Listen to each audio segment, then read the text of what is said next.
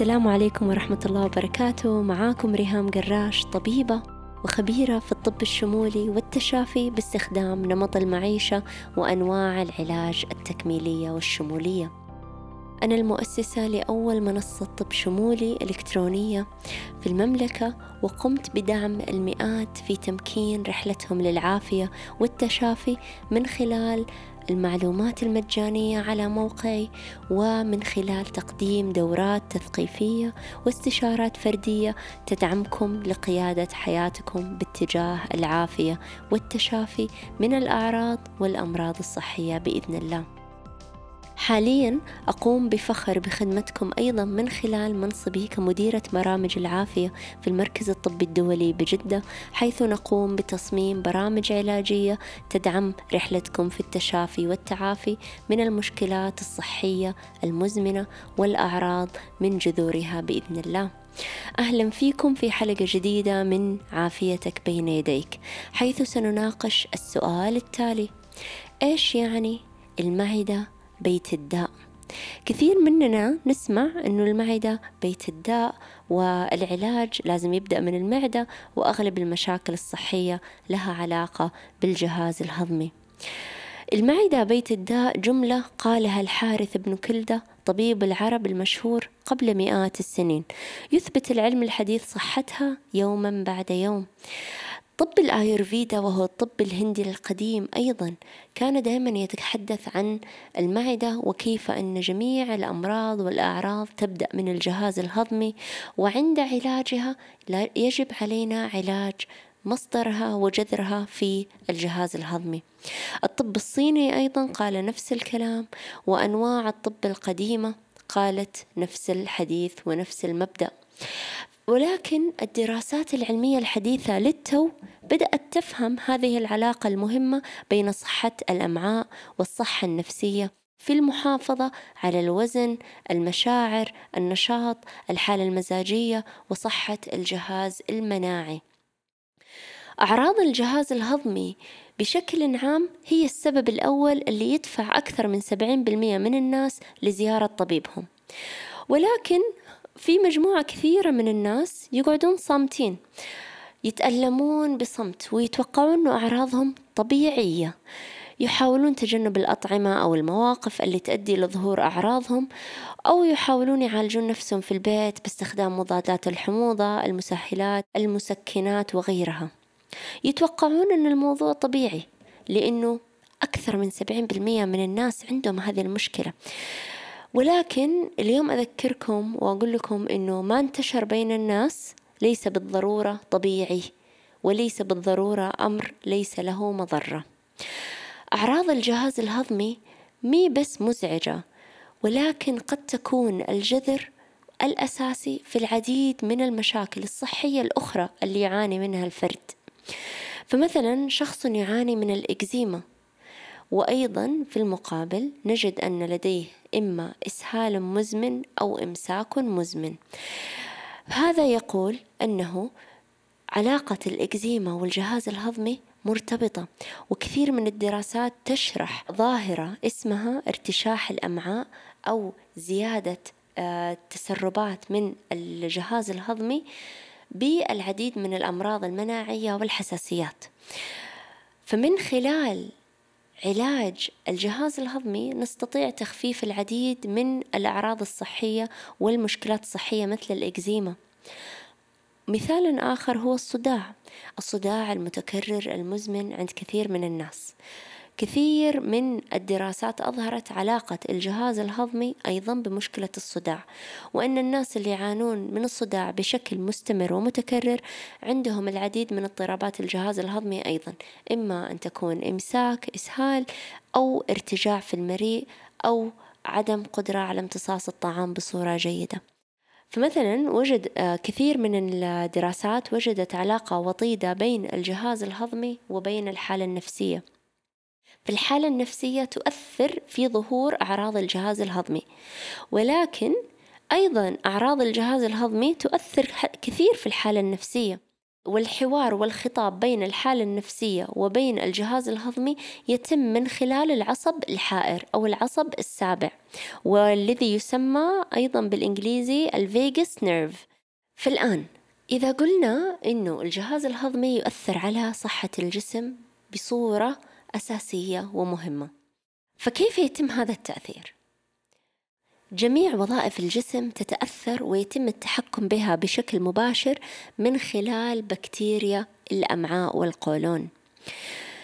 عدم وجود توازن بين البكتيريا الضارة والنافعة يؤدي إلى مشكلات جمة مثل اضطرابات الجهاز الهضمي، التهاب الأمعاء، التهاب المفاصل، السمنة، القولون العصبي، الاكتئاب وحتى السرطان. تنقسم البكتيريا في الأمعاء إلى نوع جيد يساعدنا في هضم الطعام وامتصاصه وحمايتنا من الأمراض.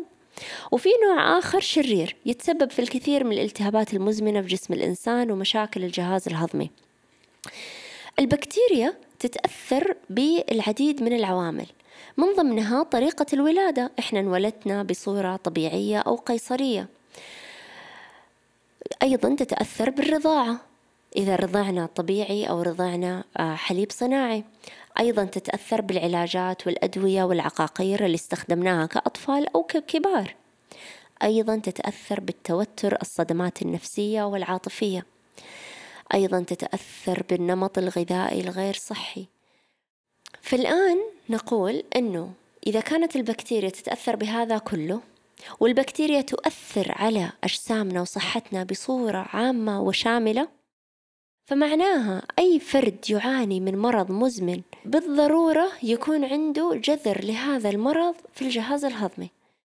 فنجد أن كثير من الناس اللي عندهم أمراض مزمنة عندهم أمراض جهاز منا... جهاز هضمي. والناس اللي عندهم مشاكل جهاز هضمي نجد أنه عندهم كثير من الأعراض أو الأمراض المزمنة. فالآن هذا الارتباط أيضا مشهود وكثير من الناس يلاحظون الرابط بينهم. فعندما يختل توازن الجهاز الهضمي تضطرب قدرته على هضم الطعام بصورة كاملة. فبقايا الطعام الغير مهضوم بعضه يتسرب من الأمعاء ويسبب التهابات موضعية في الأمعاء ويؤدي إلى ارتشاح في الأمعاء وتسرب لهذه المواد الغير مهضومة إلى باقي الجسم وتظهر على شكل أعراض متعددة في الجسم مثل حساسيات، إكزيما، حب شباب، آه، التهابات مفاصل أو أعراض مختلفة مثل الصداع، آه، التهاب الجيوب الأنفية وغيره. أيضا كثير من الناس يلاحظون مشكلة حب حب البشرة أو حب الشباب. وإحنا دائما نقول إنه مشكلة حب الشباب هو انعكاس لمشكلة أعمق داخل الجسم. لأن البشرة هي انعكاس لعافية الهضم فعافية الهضم أساسية لعلاج اضطرابات البشرة مثل حب الشباب أو غيرها. وأيضا الصحة النفسية مرتبطة ارتباط شديد بصحة الهضم. نجد أنه الناس اللي عندهم اضطرابات هضم متكررة. نجد أنه عندهم قلة مرونة وسرعة انهيار وتعب عند التحديات. والمرونة نقصد بها مرونة نفسية. والعكس صحيح. كثرة الضغوطات النفسية على الفرد تسبب اضطرابات هضمية وأيضا هرمونية وهذا له تأثير مباشر على عافية الهضم عافية البشرة والعافية النفسية. فعند علاج أي مرض مزمن لابد أن يتم علاج الجهاز الهضمي أولا. والآن نسأل السؤال. كيف يتم علاج اضطرابات الجهاز الهضمي من وجهة نظر الطب الشمولي؟ ولأن الجواب لا ينطبق على جميع الناس ولأن كثير من الناس قد يحتاجون إلى استشارة فردية يتبحرون ويبحرون فيها لطرق العلاج المناسبة. ولكن نطرح لكم طرق العلاج العامة التي قد تفيد الكثير من الناس بصورة عامة وعند الرغبة في التبحر والاستشارة الفردية يمكنه الشخص أن يغوص في الرحلة ويتطور ويتعمق فيها بزيادة. الخطوة الأولى هي استبعاد المحفزات للالتهابات من الأغذية مثل السكر الأبيض، الألبان، والمعلبات ومنتجات الجلوتين لأنها جميعا تخلق بيئة التهابية في جسمك. لهذا من خلال استبعاد هذه المحفزات إحنا نخلق بيئة غير التهابية داخل الجسم. النقطة الثانية هي من خلال التركيز على الغذاء المضاد للالتهابات مثل الغذاء الكامل الطبيعي غير المعلب وغير المكرر. دائما أحب أقول إذا تبغى تاكل أكل طبيعي كل أكل اللي كانت جدة جدتك تاكله. جدة جدتك ما كان عندهم سوبر ماركت ما كان عندهم معلبات. فالكثير من غذائها كان من المحاصيل الطبيعية الموسمية الموجودة حولها. هذا الغذاء هو أنسب غذاء لنا. فلو حاولنا اتباع نفس النمط في تغذيتنا لكانت أجسادنا بإذن الله دائما في حالة غير التهابية سعيدة مرتاحة. أكل الأمور الشفائية لجدار الأمعاء أيضا مهم. فهذه النقطة الثالثة هي أكل الأمور الشفائية لجدار الأمعاء. هذه الأغذية الشفائية لجدار الأمعاء أجمل وأفضل مثال عليها هو مرقة العظام أو مرقة الكوارع. النقطة الرابعة دعم أنزيمات الهضم باستخدام خل التفاح المخفف أو الزنجبيل قبل الطعام. أيضا هناك كثير من المكملات الصحية الطبيعية التي تدعم إنزيمات الهضم وتحسن من امتصاص الغذاء. النقطة الرابعة هي اتباع الساعة البيولوجية الفطرية في أوقات النوم. فأفضل ساعات النوم اللي تدعم التشافي والتعافي ودعم عكس الشيخوخة وتجديد خلايا الجسم هي النوم في الليل. النوم في الليل هو من أفضل أنواع العلاج للجسم لأن النوم في الليل هو ينبوع الشباب الحقيقي وهو اللي يجدد عافية خلايا الجسم ويدعم شفائها.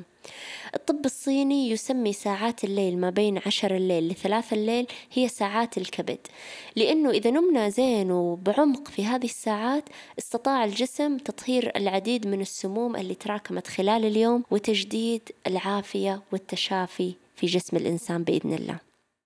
النقطة السادسة هي تجنب الأكلات الغير متجانسة. فبناء على الطب الآيورفيدي القديم لا يسمح بخلط الأكل الغير متجانس في نفس الوجبة. فمثلا العسل لا يخلط مع السمن. ومثال آخر هو الزبادي لا يخلط مع الموز. ومثال ثالث الفواكه لا تؤكل بعد الأكل أو قبل الأكل بنصف ساعة. أمثلة أخرى على الأكل الغير متجانس ممكن تجدونها في موقع الإلكتروني www.embracinghealth.online وفي الختام أحب أذكركم إنه العافية ليست حالة ثابتة والمرض ليس حدثا مفاجئ. فإن عاداتنا اليومية في نمط الحياة تتراكم فينا وتراكم فينا المرض أو تعيد وتجدد الصحة والعافية والشباب. الصحة ليست وجهة بل هي رحلة. اختياراتك اليومية المهمة عافية جهازك الهضمي هي الأساس والجذور. ومن خلال تشافي جهازك الهضمي ستنطلق في رحلة عظيمة وجميلة نحو عافية متكاملة جسدا وقلبا وروحا بإذن الله.